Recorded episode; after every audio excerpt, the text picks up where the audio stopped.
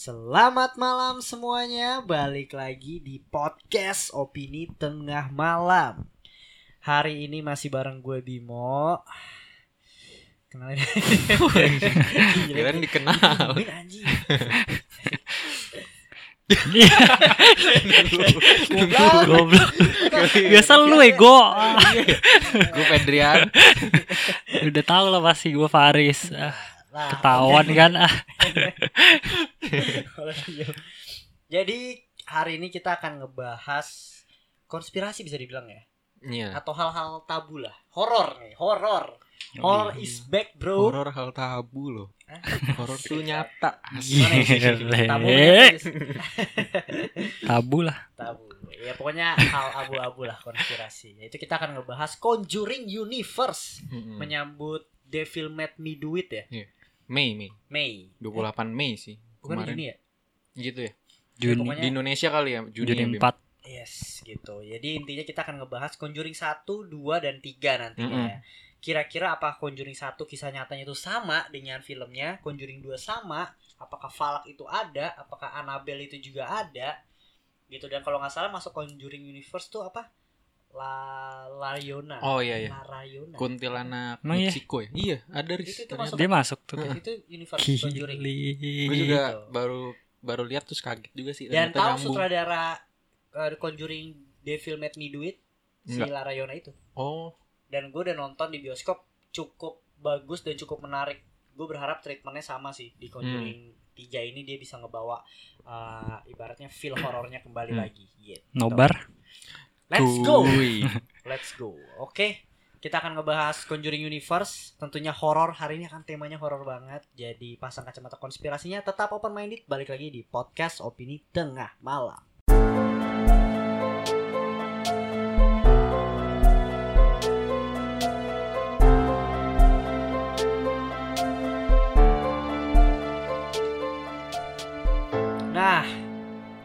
kabar nih para pendengar? Semoga kalian masih tetap dengerin opini tengah malam ya Yoi. dengan hadirnya segmen film yang cukup uh, banyak juga kali akhir-akhir ini ya. Hmm. Gua suka interview beberapa narasumber teman-teman ya masih teman-teman gue juga dan filmnya juga lumayan lah buat rekomendasi-rekomendasi Hmm. gitu. Dan gue mau ngasih info nih buat kalian. Kira-kira kalau seandainya kita buat live diskusi pada asik pada nonton gak ya? Kayak konspirasi tapi live gitu.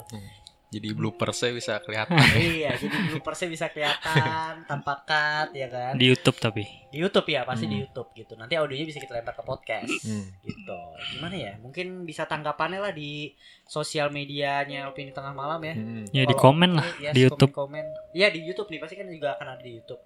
Bisa langsung komen-komen aja. Jadi kalau oke kita mungkin ya boleh lah. Sekali Iya, sekali. Iya sambil bacain chat. Yes. Hmm. Ya, menarik pertanyaan-pertanyaannya ya. Hmm, hmm, Kalau nggak bisa jawab kan ketahuan nih, ya kan? Iya.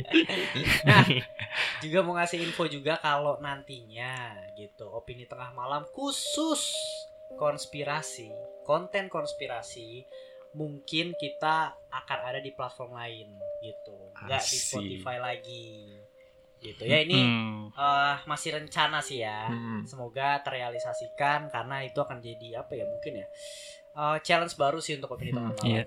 Gitu. Tapi kalian jangan bersedih hati ibaratnya Iya. karena kita Iya. di Spotify akan ada untuk ngisi segmen-segmen film Sama pop culture ya. pop culture Mm-mm. mungkin akan ada juga eh, ya nggak kita bertiga doang ya akan ada yang Hmm. bantu-bantu kita lah untuk ngisi film Baru.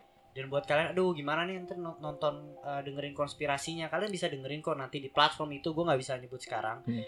tapi mungkin kalian akan tinggal dengerinnya di situ karena kita bertiga akan sering nongol di situ juga ya Hmm. kita akan bahas konspirasi-konspirasi Indonesia konspirasi-konspirasi Iya, banyak ya. sensitif gitu. Yoi. dan di situ kalian bisa komen juga kalian bisa komen juga Bisa ya bisa. bisa komen juga Free lah ya, tetap tetap free kok. tetap free kok Hmm. nggak bayar intinya Hmm. nggak bayar itu for free banget gratis Cuma dipindahin aja ya. cuma dipindahin aja khusus konten konspirasi buat Hmm. kalian yang di Spotify bisa nanti uh, dengerin di sana atau misalnya kalau itu pun kita masih ada di YouTube ya YouTube-nya juga masih Hmm. akan tayang tapi ya tentu seminggu setelah di platform tersebut gitu doain aja lah yang terbaik buat opini tengah malam dan thank you banget buat kalian juga yang udah support sampai sekarang ya Yep.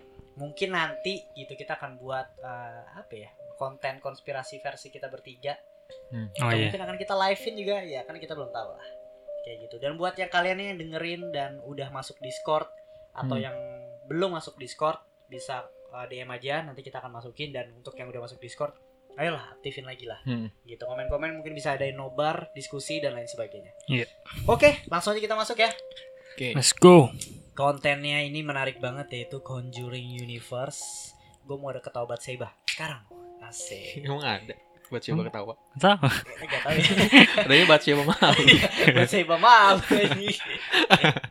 Oke Nah jadi ini menarik banget Conjuring itu bisa jadi salah satu universe horror pertama ya Hmm, ya, Iya mungkin kan? ya. Bisa dibilang lah universe horror pertama yang di mana banyak banget kumpulan cerita horor kita tunggu tinggal kita tungguin aja di mana hantu-hantu di Conjuring akan menjadi satu melawan asik Jelas. Tim up ya? iya. Keren juga. ini. serem anjir. Melawan, melawan Lucifer anjir. ya kan Crossover kan nanti sama Insidious. Asik. ini kalau nggak salah yang ngebuat tuh James Wan juga nggak sih pencetusnya Apa? Conjuring, Conjuring. Universe ini Iya, iya sih. Dia. Sama- Karena kan dia yang gituin film pertama kan. Sama permintaan dari penonton lah ya. Kan Iya, emang meledak banget tuh Conjuring tuh. Iya, Iya, soalnya setahu dia- gue dia bikin 20 juta dolar. Heeh. Terus dapatnya sampai 300 juta. Gila, gila banget. Itu mah bisa buat jadi berapa film kan? Iya, loh. awalnya tuh kayak film horor yang nggak mahal-mahal banget itu loh awalnya. Tapi karena jadi booming, dapat duit banyak, terus kan materinya juga banyak kali ya referensinya si Warren itu. Hmm. Akhirnya ya udah sekalian aja kali. Nah, iya, jadi universe. ya. Tapi sayang sekali eh, Warren ya, Loren Warren meninggal ya tahun lalu ya. Hmm. Oh iya, Iya, lupa gue. meninggal gitu. Jadi sekarang hanya tinggal legasinya aja, tinggal ceritanya aja yang bisa kita nikmatin dan tentunya itu akan melegenda banget sih. Sampai kapan pun. Hmm. Conjuring Universe itu menurut gua adalah salah satu film yang eh, lu bisa nonton all the time banget. Lu rewatch berkali-kali lu nggak akan bosan. Mm-mm. Gitu dan ya walaupun di Conjuring Universe pun ada beberapa film yang menurut gue fail ya Hmm. salah satunya Falak nggak jelas banget nanti nanti kita khusus eh, hari ini episode ini kita akan ngebahas only Conjuring 1 Hmm. Mm-mm. mungkin kita akan bahas nanti Annabelle akan bahas Falak akan bahas yang kedua dan yang ketiga Yoi. gitu. tentunya kita akan bahas kisah nyatanya trivianya dan fakta-faktanya gitu kita akan bener-bener kupas tuntas untuk Hmm. Conjuring Universe ini nah sebelum masuk ke Conjuring Universe karena ini horor ya gue pengen kisah horor dulu nih dari masing-masing ada Fendrian, ada Faris, ada gua gitu. Buat kalian yang pengen tahu cerita horor kita, kita pernah ya buat cerita horor ya. Pernah. Pernah, Udah lama Pernah, banget. Udah lama banget dan Belum ada YouTube tuh. Iya, belum ada YouTube. Edisi mati lampu waktu itu inget gak yang Edisi Jakarta mati lampu Iya. mati lampu lama banget kan Iya, tuh dan, dan kita kaget saat suara anjing. oh iya iya Nah, ini gue bakal masukin nanti nih audionya suara anjing. nah, intinya kita pernah buat konten horor gitu untuk cita-cita horornya bisa ada di sana ya. Tapi ini Ya. adalah updatean mungkin yang Hmm. terbaru lah. Gitu. Kalau belum tahu rumah Faris ini horor ya di sini ya. Yoi. gitu dan kita Lingkungan sini ya Yes, mantap. Dan gue pengen tahu dulu update cerita dari Ferdian. Terakhir kuntilanak di jendela. Apakah Nah. sekarang udah masuk? Gila Serem aja Didoain nih Waktu itu habis push up lagi ya. Jadi malu emang Gila Update-nya Kalau kalau- yang di Spotify gak dikasih tahu tuh habis push up. Kalau ini gue kasih tahu. Berarti terakhir. Itu update-nya push Lagian yang dulu gue bilang ya push up dikasih tahu gak Fet? Gak usah dah. Segitu dong malu anjing. Jadi mungkin lu satu habis push up capek, Pet. Makanya lu Halusinasi ya iya. Kenapa di update? Tapi puji Tuhan gue belum dapat update sih sejujurnya. Terakhirnya paling terakhir cuma maksudnya kan kalau itu kan ditampakin ya dikasih lihat Iya. kan. Ah, nah ini sih belum. Paling cuma gue dengar suara pernah sih bareng adek gue dulu. Jadi ceritanya tuh jam 6 sore gue inget banget. Pokoknya jam 6 sore terus gue lagi main hp pokoknya tv mati ruangannya sepi lah. Gue main hp gitu loh. Hmm. nggak ada suara terus tahu-tahu ada suara ya kuntilanak ketawa beneran cewek ketawa Kentawanya itu kayak gimana? Kayak yang di film-filmnya kayak hihihi. Iya. hihihi. iya Atau wah, Ya, ketawa ngikik nih ketawa ngikik kuntil bapak ya. iya serius jadi komedi nggak serius serius kuntilanak ngikik ketawa Oh. Tapi suara dari mana? Suaranya sih kayak jauh gitu terus tapi menggema gitu loh Oh, nggak berarti tahu dari dekat, mana Berarti dekat. Iya. Kalau jauh dekat. eh Iya kan? enggak kenceng kenceng kenceng maksudnya Oh, berarti jauh. kenceng tapi seluruh ruangan gitu Iya. Riz. kan kalau misalkan kita denger suara dari Iya. TV kan tahu ya dari kanan Ada sumbernya. iya kalau ini jauh aja eh jauh dekat tapi meng- seluruh ruangan gitu loh Terus lu di situ sama ade lu. iya ada gue langsung ngeliatin gue terus gue dengan dengan Dengan cool. begonya iya cool lah gitu Ya. HP HP Aduh, padahal, padahal dia sendiri takut anjing. kan gue lagi megang HP lagi ada padapan HP HP Anjing gua. Aduh. Anjing, gak masuk akal ya. Padahal kalau tahu aslinya, padahal dia takut banget. bener sih itu ternyatanya sih itu Itu ternyata ya. Ini gua kalau gua boleh tahu itu jam berapa? habis maghrib Habis maghrib. Hmm. Oh, dua kali, Pak. Lu yang push up juga habis maghrib kan? iya iya bener habis Iya kan? maghrib anjir Cewek yang itu sama ego. oh iya habis maghrib juga bim bener bener Iya kan? jauh ya Iya. deket jauh kan Heeh. Iya, deket. Oh, berarti itu Iya. dari iya sejadi kan. ketawanya dari seberang rumah. tapi kenapa harus gue yang denger anjir Tolol anjing. kenapa harus rumah gue yang denger Iya sih ya. Iya. Lu sih dia gini ego olahraga lagi Fet. Dalam olahraga ego lu. Anjing ngakak lah semua ini ngakak ngakak. Nah, oke, itu tadi suara ketawa ya kuntilanak Hmm. kayak update ya. Boleh menarik menarik menarik.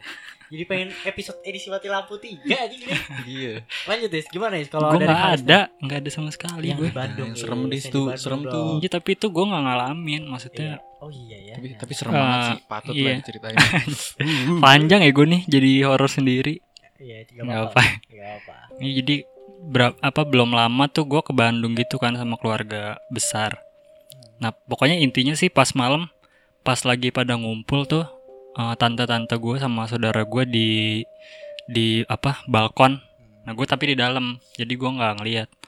Pas mereka lagi kumpul katanya tuh tante gue ngeliat ada eh, cewek gitu, cewek yang bukan dari keluarga kita. Nah tapi awalnya dikira sama tante gue itu itu adeknya eh, pacar kakak gue Hmm. diajak gitu dikira diajak dia nggak tahu. Tapi si cewek misterius itu tuh ngeliatin ke tante gue mulu katanya. Kayak pandangannya tuh nggak pernah lepas gitu loh. Nah tante gue kayak nggak nyaman gitu diliatin terus. Dia jadi kayak kayak buang muka buang muka Hmm. terus gitu. Terus diliatin sama saudara gue yang lain kayak aneh gitu kan. Dia kayak kayak Hmm. apa kayak diem gitu kayak nggak ngomong sama sekali gitulah. Katanya diliatin terus. Terus kat- kan waktu itu kita lagi makan-makan kan. Lagi bawa piring dan mangkok. Katanya si cewek misterius itu bawa mangkok juga tapi bajunya putih semua tuh bawa mangkok juga rambutnya se semana ya seleher lah bawa mangkok terus dia sambil gerak-gerak uh, pivot gitu loh apa pinggangnya pinggangnya doang yang gerak jadi kayak ke kiri kanan gitu ngek ngek ngek ngek gitu kecil gitu ya Iya kayak kayak mainin badannya gitu lah. Cuma nggak ngomong apa-apa, cuma ngeliatin si tante gue itu doang. Ya pokoknya gitu yang lihat cuma dia doang lah pokoknya. Dia nangis ya. Iya, udah pasti. Nah terus akhirnya kan udahan tuh semua pada masuk tante gue semua dan dan yang anak-anak mudanya kayak gua, kakak gua sama saudara sepupu gitu kita mau barbekyuan di balkon itu juga. Nah setelah kita masuk katanya si tante gue ngeliat si cewek itu ngikutin kita semua gitu dari belakang masuk ke dalam. nah sampai besoknya tante gue baru nanya itu si adeknya si pacar kakak gua terus pada dibilang enggak orang nggak nggak nggak ikut nggak ada gitu. Kiri kanan itu loh gerakan Iya, khas kuntilanak anjir Masalahnya lu diliatin mulu ego. tapi sebelumnya mata. kan tante lu Riz yang yang bilang Oh kan, iya. Ya pokoknya intinya tuh sebelum kejadian itu mereka lagi cerita horor gitu, hmm, rame-rame. Terus saudara gue kayak ngisengin tante gue gitu loh, nakut-nakutin. Terus tiba-tiba ada bau bau bunga apa? Bau Bau bau melati. Oh. Gila jadi wibu aja. tiba-tiba ada bau melati gitu. Terus tante gue yang ngeliat itu, dia bilang kayak udah datang nih, udah datang gitu. Anjir serius. Gila. Oh anjir sumpah gue merinding Gila lagi gak lu? kampret, kampret. Nah, habisnya setelah dia ngomong itu beberapa saat kemudian baru ada yang dia Ah. diliatin sama cewek misterius itu. Asik, menarik, menarik. Ini menarik sih maksud gue. Walaupun Faris ada di Faris nggak ngeliat, tapi seenggaknya Faris ada di tempat kejadian saat itu. hmm. Iya. Gitu. Dan malamnya gue sendirian lagi di Apa? ruang tamu. Maaf. Coba gue tahu tuh ceritanya. Terus jadi sendirian. malah nantang ya? Iya. Asik, mantap. Oke, menarik banget ya untuk cerita Faris ya. Cukup cukup bikin merinding lah. Nah kalau gue sebenarnya sih juga bukan gue yang ngalamin, tapi gue yang dijelmain gitu loh. Ibaratnya apa ya? Di Maksudnya? setan itu mewujudin gue. Oh iya. Nah, Hmm. jadi tuh ceritanya tuh belum lama, ini belum ada sebulan. gitu jadi gue lagi di rumah nenek gue uh, terus gue pulang ke rumah gue nah gue itu pakai jaket warna merah yang enggak udah jarang banget gue pakai karena tuh Hmm. jaket udah buluk banget sebenarnya Mm-mm. gue pakai buat naik motor doang nah itu gue udah lama banget gak pakai itu akhirnya gue pakai lah gue pakai jaket itu terus gue pulang ke rumah eh, ke rumah gue nah yang di rumah nenek gue tuh ada saudara gue jam 5 pagi kalau nggak salah ya subuh lah antara jam abis sahur atau jam 5an lah gue lupa. Eh, tiga orang yang lihat. Saudara gue yang gede saudara gue yang kecil sama temennya. Dia ngelihat ada orang pakai jaket merah gua bener-bener jaket merah gua itu lagi ngerokok. Hmm. dia pikir oh itu Mas Bimo katanya. Itu Mas Bimo. Mas Bimo lagi ngerokok soalnya motor gue emang ada gue pakai motor kakak gue saat itu ke rumah ke rumah gue balik nah habis itu saudara gue nih pada mau ke rumah gue emang jam 7 paginya. Jam 7 pagi pas dia ke rumah gue dia ngomong ke apa ibu gue bude Mas Bimo ini ya eh, di rumah di Palmerah kok nggak nggak nggak pulang ke nggak pulang ke rumah? katanya gitu. Terus eh, nyokap gue ngomong enggak itu Mas Bimo di kamar katanya. Enggak orang tadi pagi dia ngerokok kok di ruang tamu. Enggak itu buka aja pintu coba. Pas dibuka pintu emang gue lagi tidur tuh gue kebangun tuh gara-gara nama gue Hmm. dipanggil kan. Kenapa? gue bilang. Lah iya itu siapa yang dilihat ngerokok tadi terus eh, dia pak pakai jaket merah jaket merah terus gue gue ambil di gantungan gue kan jaket yang ini iya jaket ini katanya anjir Gila. doang tuh cuma ya gue nggak ngerti sih kenapa kenapa tiba-tiba ngikutin gue aja gitu Ngefans ya. anjir ya. gitu sih ya nggak serem-serem Tapi banget, waktu cuma- itu gue pernah baca kayak ada teorinya gitu kan yang tentang residual energy. itu apa sih Tahu nggak? Iya. Jadi kayak eh, apa maksudnya? Setiap orang kan kayak ada kebiasaannya tiap Hmm, hari ya. hmm. Misalnya kayak gua ke komputer, Hmm. kerja, tidur. Nah, itu jadi katanya energinya kesimpan gitu loh, kerekam gitu. Hmm. Jadi kadang-kadang orang kayak bisa ngelihat rekaman energi itu lagi lagi melakukan aktivitas seperti biasa gitu katanya. menarik Waktu itu gue pernah dengar dari itu sih Om Hao gitu. Kisah tanah Jawa kalau. Oh. Apa lu? Ya keren ya. menarik menarik menarik menarik itu itu mungkin kita akan bahas sendiri ya untuk kita Iya. anjir gila gue jadi anjir udah berapa nih 18 menit kita masih ngebahas horor ya belum masuk conjuring tapi ya it's fine nggak apa-apa gue yakin juga yang dengerin conjuring ini juga adalah orang-orang yang suka banget horor Iya. percaya Hmm. Iyalah. Ya kan langsung aja berarti kita langsung masuk ke conjuring dan mungkin kalau kalian suka ya episode horor kayak gini tuh akan bisa berlanjut ya Hmm. karena Ya, karena tuh ceritanya banyak ya. iya ceritanya banyak dan menariknya adalah Ferdian yang cukup percaya horor Faris udah Enggak. goyang oleng kapten gitu kalau gue ya makin ke sini gue makin ini sih makin oleng aja kadang ada fase di mana takut ya takut banget kalau enggak ya Hmm. enggak oke kalau kayak gitu kita langsung bahas aja Gan Conjuring satu gitu ini judulnya cuma Conjuring aja ya The Hmm, Conjuring The ya? Conjuring. yoi. gitu dan Conjuring satu ini adalah kisah dari Ed Warren, Edward Warren dan Lorraine Warren. Gitu siapa sih mereka sebenarnya gitu? Mereka tuh pasangan suami istri nih yang berprofesi sebagai pemburu hantu. Gitu. Jadi keduanya ini bahkan dianggap salah satu pemburu hantu legendaris yang pernah ada di Amerika. Edward yang kerap disapa Ed ini merupakan veteran Perang Dunia Kedua dan mantan polisi yang memutuskan alih profesi sebagai demonologis. Jadi itu adalah demolo- demonologis tuh ilmu yang mempelajari tentang demon-demon gitu ya. Hmm, hmm. Kalau gue nggak Hmm. salah ya. Nah, si Ed ini dibantu oleh istrinya Loren yang memiliki kemampuan meramal atau indera keenam nih dia. Ibaratnya indigo lah Hmm. gitu. Dan dia tuh udah me- menangani 10.000 kasus yang berkaitan dengan supranatural sepanjang karir dia. Gitu. Kalau nggak salah ya, ini kalau gua nggak salah dia tuh salah satu orang juga yang eh, kepercaya bukan kepercayaan sih, mungkin kadang diutus Vatikan gitu. Misalkan jadi tuh setahu gue ini setahu gue ya sekali lagi setahu gue sorry kalau salah revisi, tapi kalau kalian tahu boleh komen juga ya. Eh kalau misalnya mau apa ya exorcism atau ibaratnya pengeluaran iblis dari tubuh manusia itu tuh panjang banget kalau di Katolik ya, gua kan Katolik. Jadi tuh di mana kalau misalnya oh Fedrian kesurupan nih, ya udah ada gua harus nyari bukti dulu kalau lu bener-bener kesurupan.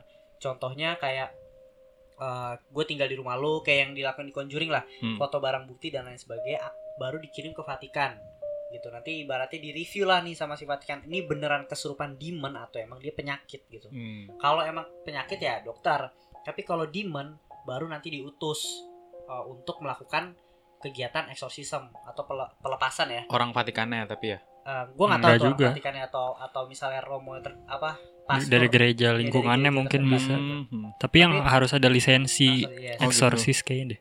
setahu gue gitu sebenarnya yang gue tahu sih kita pun sebenarnya juga bisa ngelakuin kayak gitu exorcism tapi Mhm.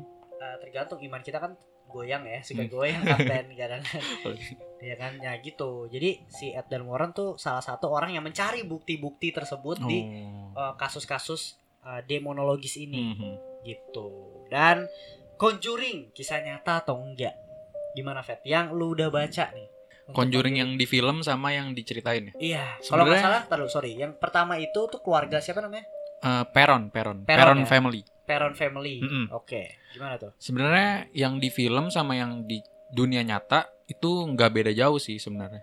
Malah hampir sama yang di film tuh terjadi juga di dunia nyata gitu loh. Cuma yang di dunia nyata lebih lebih apa ya? Setannya lebih lebih jahat lah, lebih lebih tra, lebih apa ya? Lebih barbar gitu. Ya lebih kejam ya mungkin ya. Lebih barbar gangguinnya lebih sering gitu. Hmm. Kalau Iya. dari kesaksian si Peron family ini ya.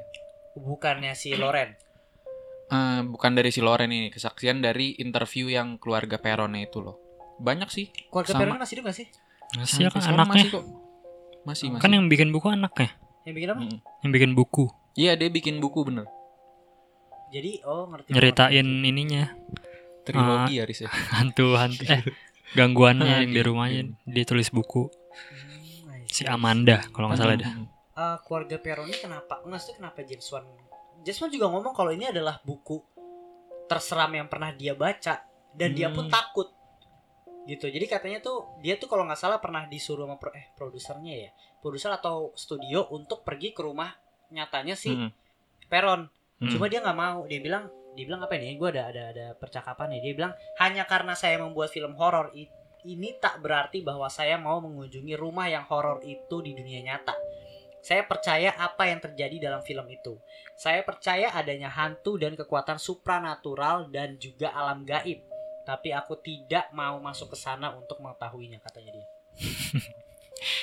Jadi eh, si James Wan pun buku yang terseram dia baca dan dia pun takut Mhm. untuk ke rumah Peronnya. Jadi itu syutingnya sebenarnya bukan di rumah Peron ya kan? iyalah Hmm.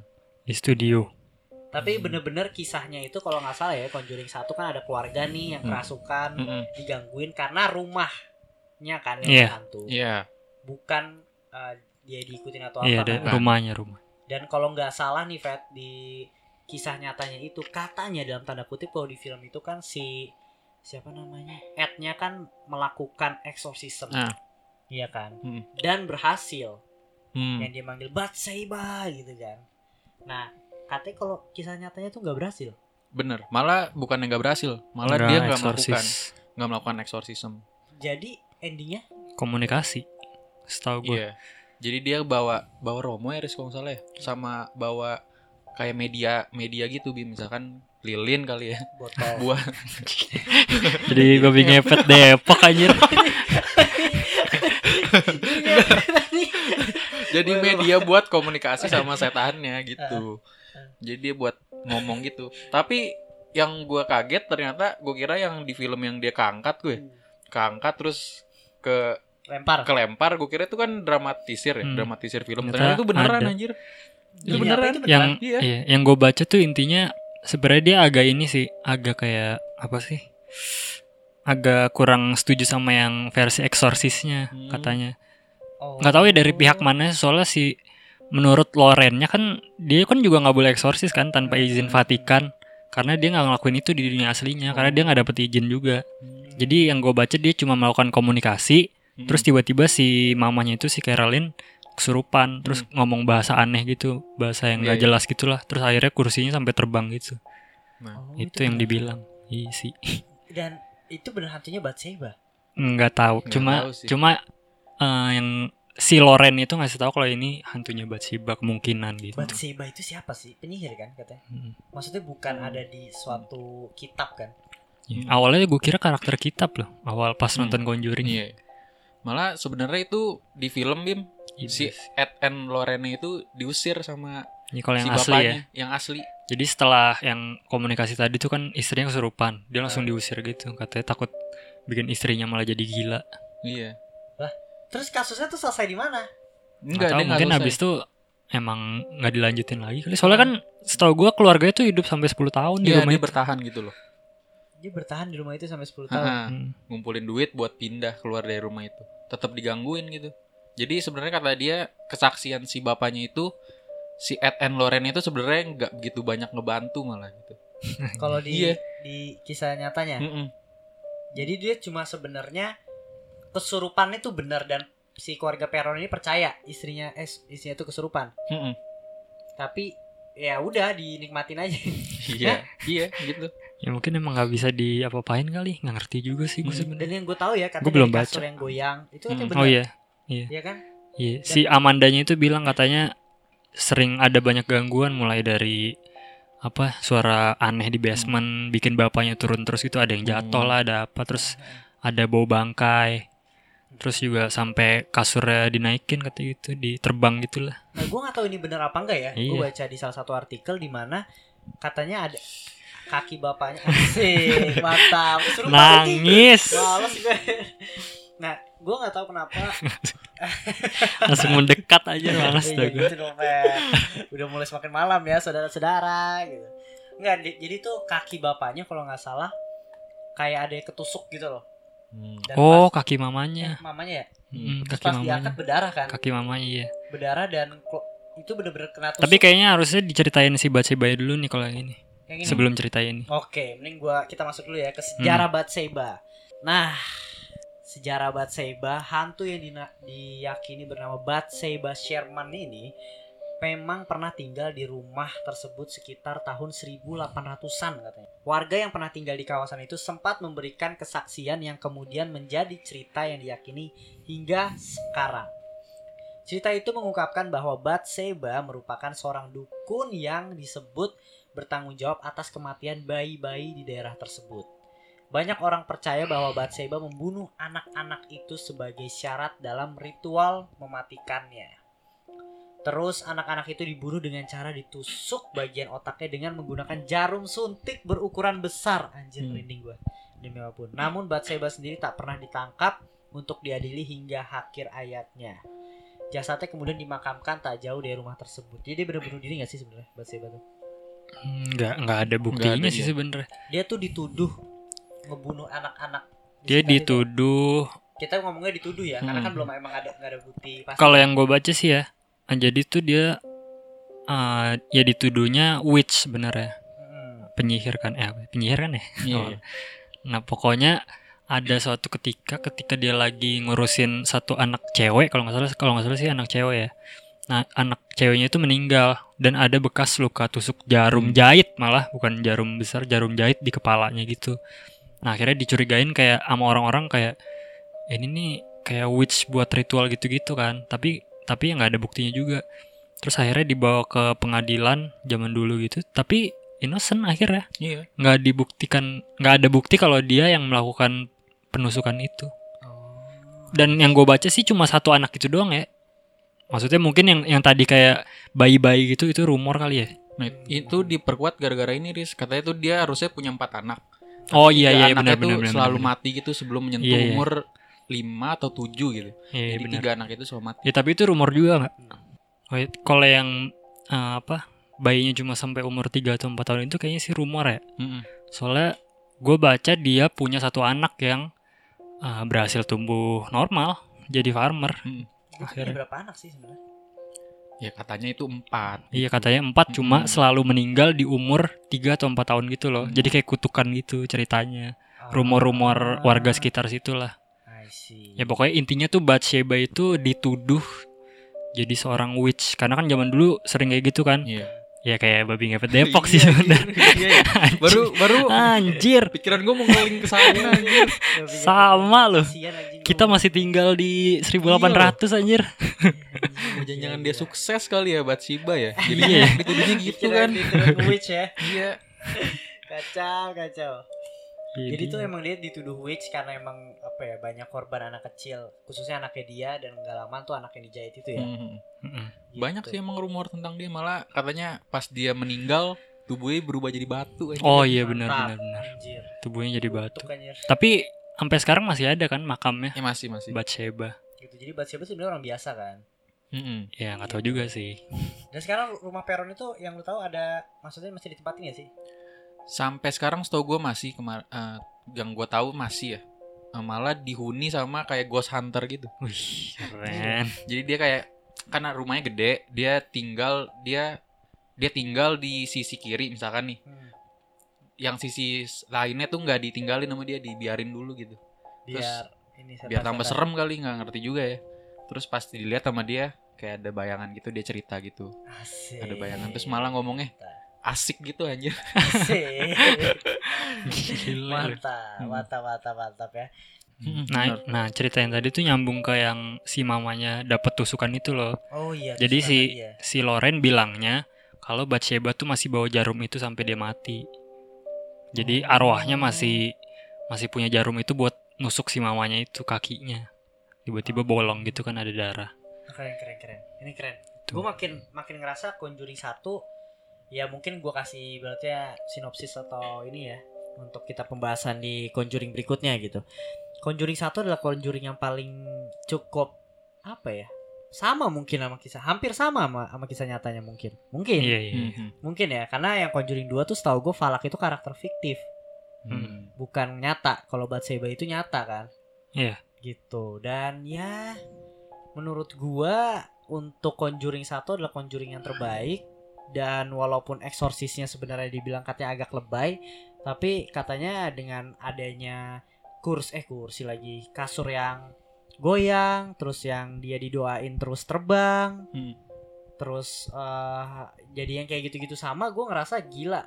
Kalau sampai beneran itu di kisah nyata kacau banget chaos banget udah pasti itu kesurupan gitu. Dan gue nggak bakal ngusir Ed dan Loren sih Iya gak sih Iya lah. karena setahu gue gini kalau nggak salah ya si Ed dan Loren tuh sebenarnya pengen bisa untuk ngusir si Batseba ini tapi sayangnya keluarga itu tuh nggak percaya sama Tuhan atau adanya agama ke, Oh. keadaannya adanya Tuhan lah ibaratnya Oh iya. ibaratnya Itu Sama- setahu gue itu jadi salah satu syaratnya Vatikan juga deh. Oh. Jadi yang dieksorsis tuh agamanya harus Katolik. Hmm. Oh, Oh. I see. Ya, Ini- biar biar setannya satu iman kali. Kalau kan ntar dibacain ayat kagak takut lagi. Kalau kalian nggak tahu ya. Gak tahu aja kocak. Ini juga Bim apa? apa? Kalau di dunia di dunia nyatanya itu bukan si orang Peron family-nya ini yang manggil si Ed, Ed sama Loren ini loh. Tapi temennya yang nyuruh Ed dan Loren buat datang buat ngecek gitu. Hmm. Oh, Kalau di see, filmnya I si see. Keluarga Peron ini kan yang pengen minta bantuan Hmm, hmm, hmm. gitu. Oh. Wow. Sama ini sih gue baca. Jadi Ed Loren itu kan pengen coba ngusir ya. Hmm. Dan udah datang berkali-kali kata itu selama Hmm. mereka tinggal selama 10 tahun. Mungkin setiap pengen diusir tuh si Batsebanya malah makin marah. Mungkin Oh. karena makin parah si suaminya kayak ah daripada istri gue jadi gila kan. So, Ya, jadi mending dirasukin mulu ya dirasukin mulu lama-lama gila mending nggak usah lagi gitu kali ya. cuma digangguin aja. iya. Iya menarik menarik. karena eh, eh, teorinya itu si basibanya tuh kayak apa sih kayak iri gitu loh sama ibunya. Oh. sama pengen ngerebut rumahnya balik gitu. Ngerti, kayak dia nggak nggak mau ditinggalin gitu dan sebelumnya katanya ada keluarga-keluarga lain di rumah itu Fat jadi peninggalan Oh, yang iya, zaman dulu benar-benar. ada kayak eh, anaknya mati lah Hmm. anaknya hilang gitu-gitu jadi aneh-aneh mulu keluarga yang ditinggal di rumahnya si Cuma Peron paling itu. mending ya. Ya. Jadi sebelum rumah itu ada delap udah delapan generasi ris. Iya. Terus ternyata yang mati-mati di situ tuh pokoknya aneh-aneh dah. Terus Iya. udah parah gitu. Jadi dua bunuh gantung diri. Heeh. Terus apa ya? Bentar. Gue nyatet nih. Gila mantap nih. Peron. Family ternyata dia. Yes, tapi apa ngeri juga ya maksudnya keluarga-keluarga lain sebelumnya juga Hmm. aneh anjir kasus kasusnya. Jadi ada dua gantung diri, satu bunuh diri minum racun, terus anak 11 tahun diperkosa terus dibunuh di situ. Wow. Ada dua tenggelam sama empat mati beku. Iya kan aneh. Berarti itu disebutkan kalau itu ulah Batseba. Apa bukan? Enggak, ini Enggak juga, cuma- sebelumnya ya. Hmm, cuma kan Oh, sebelum Batseba nih. Sebelumnya si keluarga Peron. Oh, I Hmm. see, I see. Jadi ditinggalin sama beberapa beberapa Ah, keluarga ah, tuh. ah, ah. Nah kejadiannya tuh selalu aneh. Hmm, hmm, hmm, hmm. Tapi Gitu. ulah Batseba bukan ya? ya nggak tahu.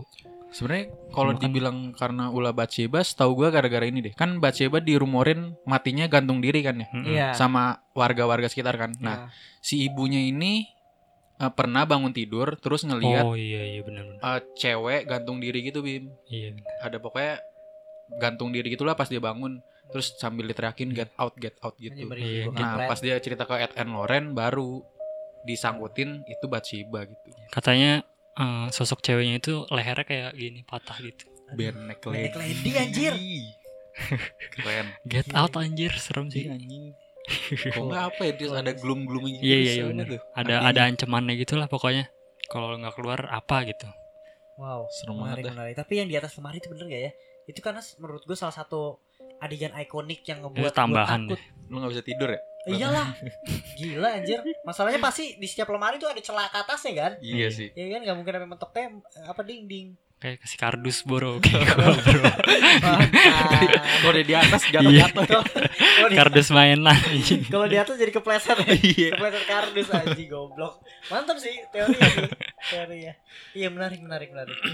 ya, masih ada fakta lagi ya? Udah sih ceritanya kayak Iya sih, cerita gitu. nyatanya sih gitu ya. Mm. Tapi ya eh, mungkin masih banyak yang ada di bukunya tuh. Gue jadi penasaran pengen baca juga dah. Sampai trilogi loh Iya. Iya sih. Bukunya si Amanda itu yang dia tulis.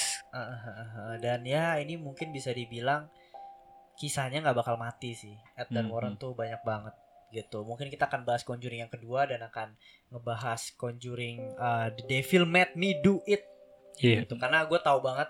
Kita pernah bahas gak sih? Apa? Kisah nyata Devil Made Me Do It. Ah, Pernah ya di Cinecrip ya? pernah di oh sini iya pernah di sini Di Cinecrip ya. Tapi kita akan bahas di opini tengah malam. lebih dikupas lagi ya Lebih dikupas lagi karena uh, durasi juga pasti akan panjang ya. gitu dan Conjuring 2 gue paling Conjuring 2 tuh sebenarnya paling paling cukup belok kayaknya deh iya apa ya dia Conjuring 2 tuh apa ya nggak terlalu berkesan banget sih Bill Wilkins ini- ya, gua. ini Bill si- Wilkins oh sebenarnya kan hantu utama itu Bill Wilkins bukannya Falak ya Iya Falak, cuma kan setannya Bill Wilkins yang kakek-kakek tua. iya iya iya gue iya. Hmm. sama kayak lu Bim berarti ingetnya Falak Conjuring 2 iya Conjuring 2 tuh Falak cuma sebenarnya bukan Falak iya kan mainnya Iya menarik sih Conjuring 2 juga menarik ya walaupun nanti kita akan bahas Annabelle mungkin sekalian ya di Mm-mm. di Conjuring 2 kita akan eh di episode berikutnya kita akan bahas Conjuring 2 dan Annabelle Oh ya, An siapin Annabelle tuh Conjuring satu ya satu sebenarnya. satu sebenarnya satu Iya. gitu siapin cerita horor lu lagi Fet aduh Asik, Faris siapin. nggak ada Makanya olahraga bro. olahraga bro, biar dapat lagi bro. Gitu. Ditontonin ya gue lagi olahraga anjir. Kayak lu mungkin pas olahraga ada yang kepleset terus ketawa kali Fet. Iya. Gimana kan? Tapi Iya menarik lah ya. menurut lu gimana Fat Bathsheba? Iya.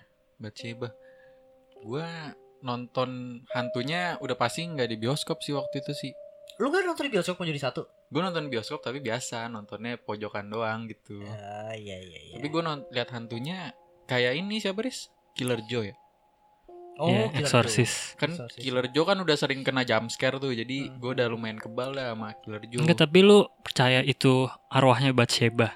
oh kurang sih sebenarnya gue takutnya Kenapa? sebenarnya orang baik dah cuma Kenapa? dituduh-tuduh doang gitu Iya. Kayak ngepet ya. itu. Iya, benar. Depok ya. Iya benar sih.